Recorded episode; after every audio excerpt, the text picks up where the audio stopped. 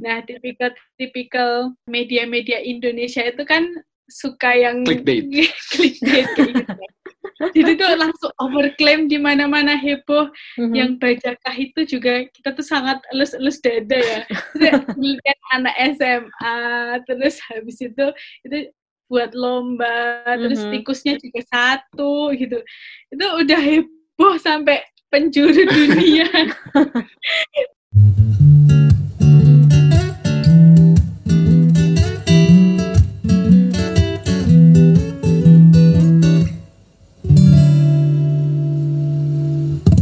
ini kita balik lagi ke tanaman-tanaman yang mungkin sama orang masih dilihat sebelah mata nih. Ternyata dia punya potensi, nggak cuma sebagai tadi ya, kayak mau prevensi aja, bahkan mungkin bisa menjadi suatu obat utama sebagai terapi kemoterapi ya untuk suatu tumor gitu istilahnya. Nah, yang menarik adalah sebenarnya kalau di Indonesia sendiri selain di center Mbak Beni sama Mas Yudi di UGM, udah banyak belum sih yang mulai mengerjakan uh, kemo prevensi ini? Mungkin ada selain di Jogja gitu, ada di di Jakarta atau di Surabaya gitu. Tadi kan katanya udah lumayan berkembang ya bidangnya ini. Uh, ada nggak sih yang uh, udah mulai membuat juga nih yang seperti uh, yang kerjakan sama Mbak Beni sama Mas Yudi nih?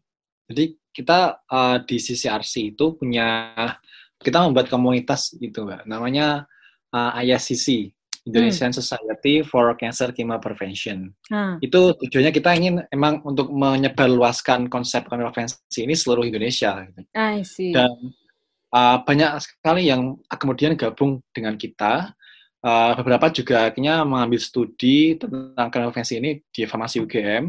Misal di BPTO BPTOT uh, di Tangmangu, Solo, Mhm. Jawa Tengah Mhm. itu kan Kapan kan? uh, ada salah satu penelitian yang kemudian mengambil studi S3 mengenai kemoprevensi di tempat Prof. Edi Meyanto untuk mempelajari tentang Mhm. kemoprevensi ini.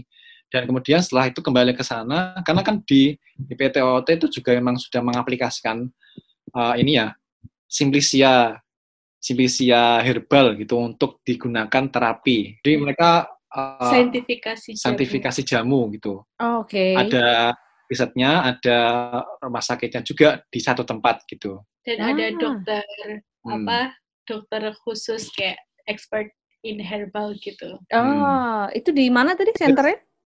Di Tamango, Tawamangu. Di Itu- Tawamangu. Itu kan Oke. di bawah Kemenkes sih, BP2TOT.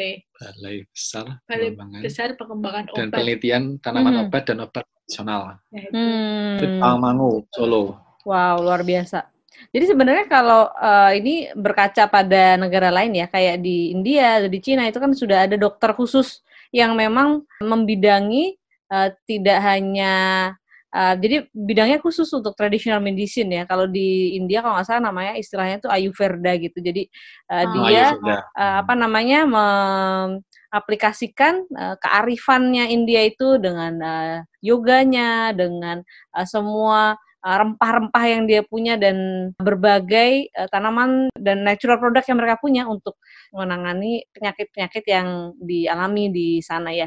Jadi mungkin ini bisa jadi suatu apa ya namanya pijakan lagi untuk kita mungkin perkembangan dari modern medicine itu nggak cuman berhenti eh, orang Indonesia nih punya dokter yang sebagai klinisi aja, tapi juga dokter yang paham juga ya dengan kearifan Ya. lokal yang Ya. kita punya, kekayaan yang kita punya gitu.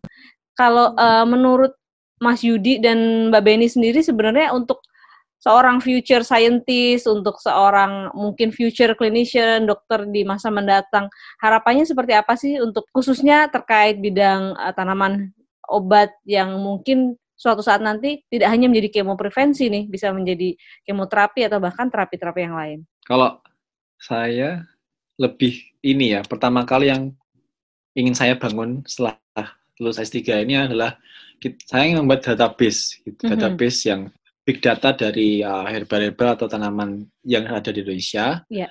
Kemudian kita integrasikan seluruh riset-riset itu menjadi satu database untuk cancer. Karena Mm-mm. sejauh ini memang database itu kayak berceceran di mana-mana gitu. Dan uh, saya juga S3 ini sedang uh, studi mengenai artificial intelligence. Jadi Mhm. bisa melakukan screening secara komputasi lebih dahulu. Sebenarnya tanaman-tanaman seperti apa sih yang motif-motif seperti apa yang itu potensial untuk ke depannya. Jadi Mhm. Utama dengan Indonesia. dengan Betul. itu itu harapannya riset di Indonesia lebih terarah gitu dengan Mhm. adanya bantuan artificial intelligence. Dan juga yang uh, perlu penting dilakukan adalah kita perlunya kolaborasi antara dokter dan juga farmasi sebagai pengembang obat itu. Dalam hal ini terkait pemahaman mengenai jamu untuk terapi karena mostly belum tentu uh, dokter-dokter itu juga bisa tidak semua match dengan uh, konsep jamu ini sendiri gitu. Mhm. Karena, karena kadang memang kita dalam pengembangan jamu itu terhalangi mengenai uh, aplikasinya nanti bagaimana ketika terapi itu. Mhm. Oke, risetnya menarik gitu, tapi ketika nanti aplikasi ternyata nggak jadi uh, pilihan, nah itu menjadi masalah. Dan sampai Ah, sekarang oke. uh, jalan tengah yang diambil ya yaitu saintifikasi jamu itu yang digalakkan mulai 2000-an. Harapannya ke depannya bisa lebih seragam lah itu. Sama ini sih eh, yang paling penting itu kayaknya eh, hati-hati dengan overclaim. Ah ya. Jadi Overclaim, aduh betul. kalau kalau udah bicara apa ya berita-berita Indonesia, kemudian juga hoax-hoax ya kesehatan itu. hoax kesehatan terus yang udah semua medsos, semua TV menyiarkan itu jadi sampai heboh. Padahal itu Masih penelitiannya tuh apa gitu. masih jadi jauh tuh gitu. itulah apa ya Indonesia tuh kurangnya di situ jadi kayak uh, overclaim terlalu cepat terus habis itu tidak ada data yang ditampilkan jadi Hmm. saat press conference atau mungkin wartawan itu meminta berita kemudian wawancara itu tidak tidak ada bahasan tentang data tapi Hmm. Tentang klaim-klaim yang Testimoni ya? sangat-sangat fantastis gitu ya yang sangat-sangat fantastis padahal kalau ditelusuri itu penelitiannya baru sejauh apa gitu baru sejauh mana Mm-mm. gitu memang peneliti itu harus sabar sih terutama Iya. peneliti di bidang cancer ini harus sabar karena memang niatnya tuh sebenarnya mulia tapi memang perjalanannya itu panjang Mhm. nah tipikal tipikal media-media Indonesia itu kan suka yang Clickbait. clickbait gitu. Jadi tuh langsung overclaim di mana-mana heboh Mhm. yang bajakah itu juga kita tuh sangat elus-elus dada ya. Terus lihat anak SMA, terus habis itu itu buat lomba, terus Mhm. tikusnya juga satu gitu. Itu udah heboh sampai penjuru dunia. Kayak gitu loh. Jadi apa ya? Ya itu sih hati-hati dengan overclaim dan kalau misal uh, untuk media massa itu kita harus menampilkan data yang valid istilahnya, bukan hanya kayak klaim-klaim tertentu itu. At least Kita- publish preprint lah. ya, Nah, at least Hmm. itu Ah, udah ada. udah publish papernya, Oke, jadi setuju. orang bisa menganalisa datanya, bisa Mm-mm. melihat Lihat resultnya metodenya apa. gitu ya. Iya, bisa eh, memberikan masukan, kemudian keberlanjutannya seperti apa. Jadi biar nggak buang-buang uang gitu. Soalnya kalau misal di Indonesia tuh sudah banyak sekali eh, riset-riset dan budget itu sudah dikeluarkan banyak oleh pemerintah, tapi Mhm. risetnya tuh hanya gitu-gitu terus, terus overclaim dan tidak ada eh, apa namanya output yang nyata gitu. I see.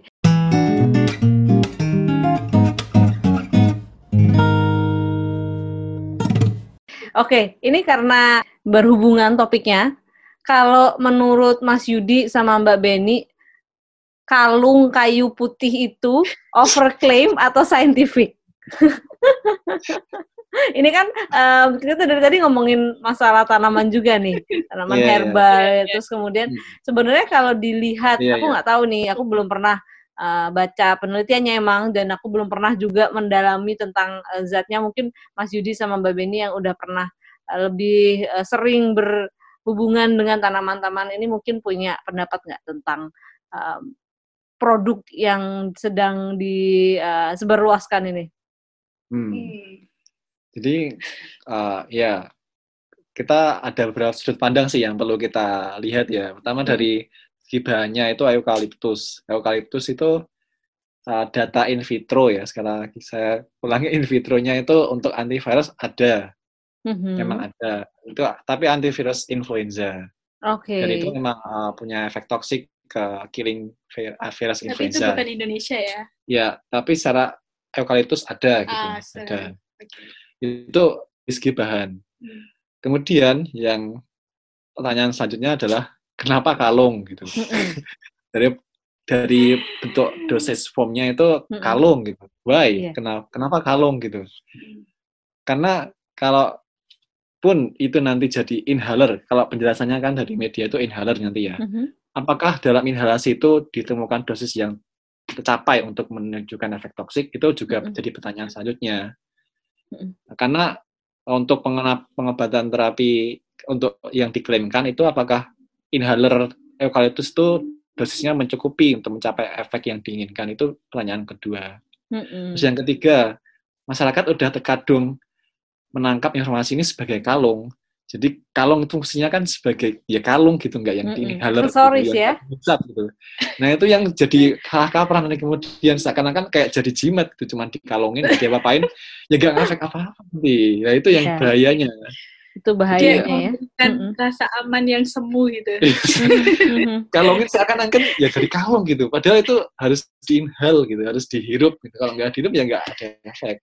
Itu pun dihirup belum tentu ngefek. -hmm. Jadi dan itu pun yeah. studinya masih in vitro ya, maksudnya in vitro tuh belum di uh, makhluk hidup gitu ya. itu baru berapa ya? In vitronya tuh baru satu atau dua paper ya. Terus mm-hmm. banyak tuh in silico, jadi cuma komputasi modeling gitu. Oh, Oke. Okay. Dan sampai apa ya level kementerian bisa mengklaim itu tanpa ada data ilmiahnya tanpa ada publikasi yang jelas dan publikasi yang in vitro yang lain itu juga masih lemah itu hmm.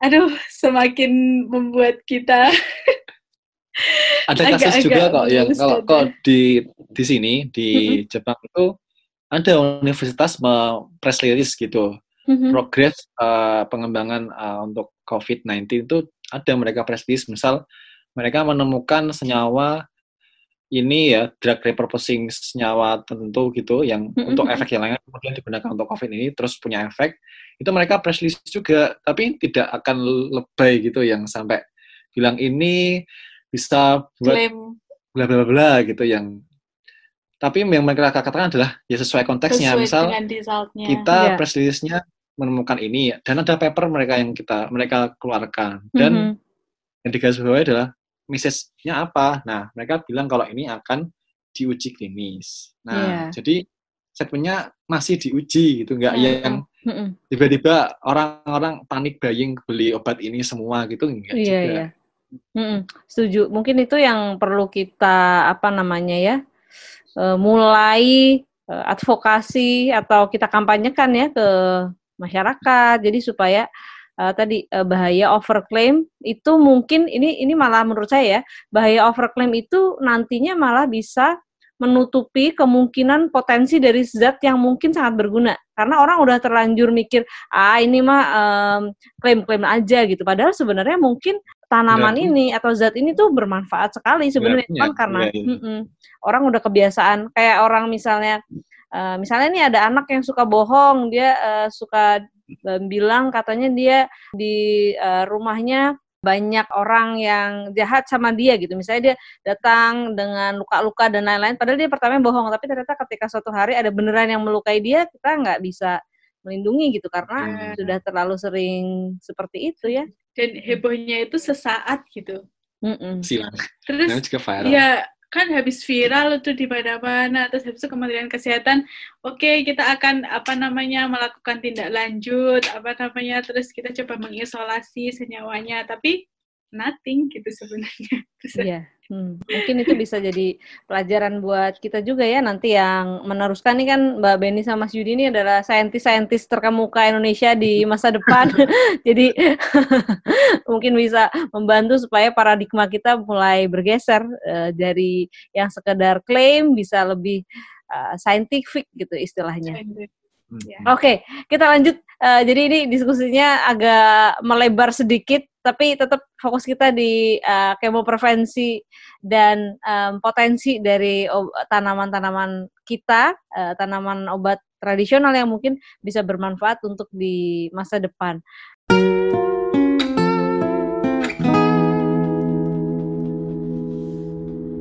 Pertanyaan saya ini terakhir mungkin uh, tentang tanaman ini sebenarnya kalau untuk orang-orang yang mendengarkan sekarang mungkin ada yang uh, berminat nih belajar tentang um, meneliti uh, tanaman-tanaman yang bermanfaat nantinya sebagai kemoprevensi uh, dari Indonesia sendiri ada saran nggak belajarnya tuh harus belajar apa sih mereka atau mungkin mereka haruskah ngambil uh, sekolah di Jepang atau di mana gitu untuk yang ingin mendalami ini lebih lanjut?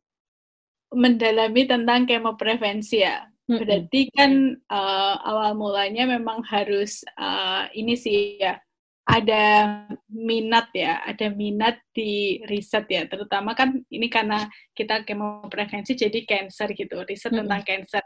Nah, kalau misal um, apa namanya riset tentang cancer, topik tentang cancer itu harus mempunyai yang pertama itu harus mempunyai interest pada wet experiment sih. Jadi hmm. kalau um, ini kan banyak sekali eksperimen yang harus dilakukan. Jadi harus tertarik di bidang penelitian dan harus tertarik melakukan penelitian kayak gitu. Mm -hmm.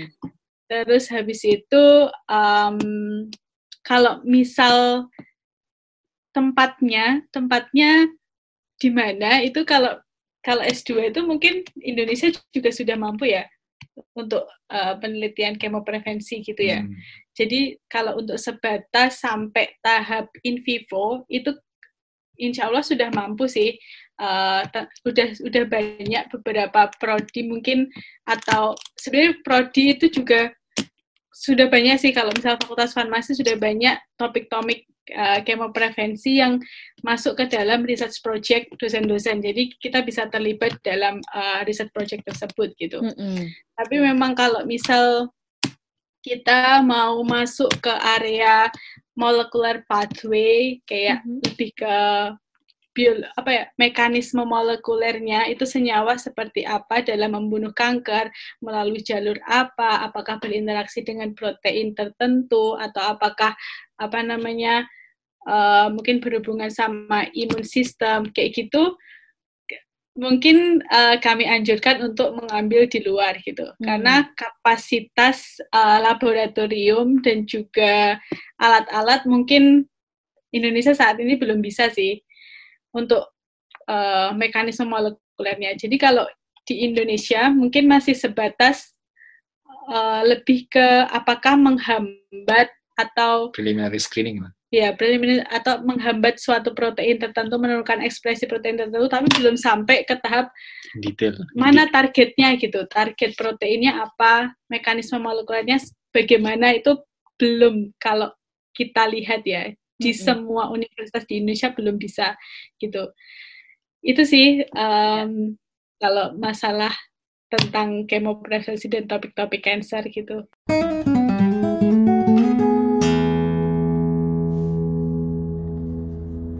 Oke, sekarang ini kita masuk segmen selanjutnya, segmen rekomendasi film dan buku. Jadi di okay. segmen ini nih, tadi kan pertanyaannya uh, scientific sekali ya. Ini pertanyaannya agak santai dan um, biar kita bisa kayak Mas Yudi sama Mbak Beni yang keep up dengan um, scientific tanaman herbal, kemudian pengembangan obat-obatan atau zat-zat yang bermanfaat dalam penelitian, mungkin ada nggak nih biar kita semakin tertarik, semakin paham, ada buku atau film yang mau direkomendasikan? Kalau buku atau film aku sebenarnya jujur ya, aku jujur itu uh, jar nggak jar malah nggak pernah baca novel. Maksudnya yang benar-benar kalau buku-buku mm -hmm. sih kayak kebanyakan buku-buku kuliah, buku-buku ibu gitu. Tapi kalau buku novel cinta -cinta. yang berbau ilmu itu nggak punya sih benar-benar nggak punya nggak punya pengalaman itu kalau Mas Yudi mungkin kalau film saya film ada. apa ya nah, suka anim uh, anim Jepang gitu mm -hmm. uh, kecil itu suka pas kecil suka nonton Detective Conan oke okay. nah itu uh, kan ceritanya si Conan itu kan uh, dari kecil tuh dari, aslinya kan Shinichi Kudo terus jadi yeah jadi gara-gara dikasih obat namanya apotoksin. Mm-hmm. Nah, apotoksin itu satu senyawa ternyata yang bisa menyebabkan apoptosis. Nah, ah. efek apoptosis itu sangat lekat dengan kanker tuh. Mm-hmm. Nah, telah kemudian saya suka dengan bidang-bidang kanker. Oh, Terus okay. juga uh, temennya namanya Ai Haibara itu mm-hmm. kan penelitinya yang mengembangkan apoptoksin. Mm-mm. Nah itu juga menarik mengikuti alur ceritanya Conan itu sampai sekarang kan masih salah satu anime yang eh, sangat kekal ya di samping Doraemon sampai sekarang di Jepang itu itu Mm-mm. sangat lama dari zaman dulu sampai sekarang. Masih Terus- kecil juga konannya. Kadang ada seri yang dia jadi gede sih karena Haibara itu ngembangin obat yang dia bisa jadi gede untuk sementara waktu. Gitu. Terus Oke. ada anim anim yang kemudian jadi jadi ini jadi eh, apa namanya jadi versi orangnya loh versi real real, Live real life action ya? gitu. live actionnya itu ada fase fase live ini namanya versi itu Death Note Oh, Ah. Note. Death Note tapi yang versi OVA atau kayak spin off-nya Death Note itu tentang eh, L nama filmnya L Change the World tahun 2008 Ini bukan yang versi Netflix kan? Bukan, bukan, bukan. Itu 2008 tuh Netflix kayaknya belum ada sih. Belum ada. 2008 Mhm. itu zaman dulu sih itu. Jadi itu tapi mirip-mirip kondisi kayak sekarang gitu. Jadi tentang uh, bioterrorism. Teroris itu tuh mengembangkan kombinasi virus antara Ebola Mhm. sama corona virus. Ah, Jadi combine. gitu. Dan Oke. kemudian disebarkan di Thailand pada saat Mhm. itu untuk uji coba terus karena combine antara Ebola yang sangat apa membuat Deadly bleeding ya? gitu sama Mhm. uh, corona yang mudah tersebar, jadi Tersebar. sangat sangat sangat sangat uh, men- mematikan. Jadi dan L itu uh, bertugas untuk meneliti, mencari tahu uh, obatnya apa gitu. Sampai Hmm. akhirnya tahu namanya protein mid- midkine itu yang efektif buat si an- antidot dari uh, virus itu. Itu mungkin rekomendasi Oke, menarik buat uh, menarik drug sekali. Iya, iya, iya. gitu. Aku belum nonton itu eh Death Note-nya. Apa tadi Death Note-nya yang live action-nya, yang seriesnya namanya? L titik dua change the world. L Change the World. Oke. Hmm. Terima kasih rekomendasinya Mas Yudi, Mbak Beni. Ada lagi yang mau direkomendasikan? aku apa ya dia sih kalau kalau dari teman-teman itu um, kayaknya yang cancer itu yang uh, a biography of cancer itu bagus katanya tapi aku Biography juga of Cancer. Iya, yang The Emperor of All Maladies. Ah, ini si Siddhartha Ah, mungkin. Sudah. Iya. Oh, Mbak Stella udah baca malahan ya. udah baca. Oh, Iya, iya gimana? itu. ya itu Ya. aku cuma baca reviewnya, tapi kalau full booknya aku nggak baca sih. Mm, mm, mm, mm. Bagus sih bukunya dan itu dia memanusiakan cancer menurut saya. Jadi punya history. Terima kasih waktunya Mas Yudi, Mbak Beni atas ceritanya. Kita banyak belajar tentang tanaman-tanaman. Kita juga banyak belajar tentang metode-metode ilmiah yang saya sampai sekarang juga kalau baca di jurnal tuh nggak pernah ngerti. Tapi eh, paling tidak ada sedikit-sedikit ilmu mudah-mudahan nyangkut di kepala nggak cuma saya tapi juga untuk orang lain yang mendengarkan ini mudah-mudahan juga dapat manfaatnya. Sukses terus untuk penelitiannya, mudah-mudahan lancar, clinical trialnya bisa berlanjut sampai eh, marketing mungkin mudah-mudahan 10 tahun lagi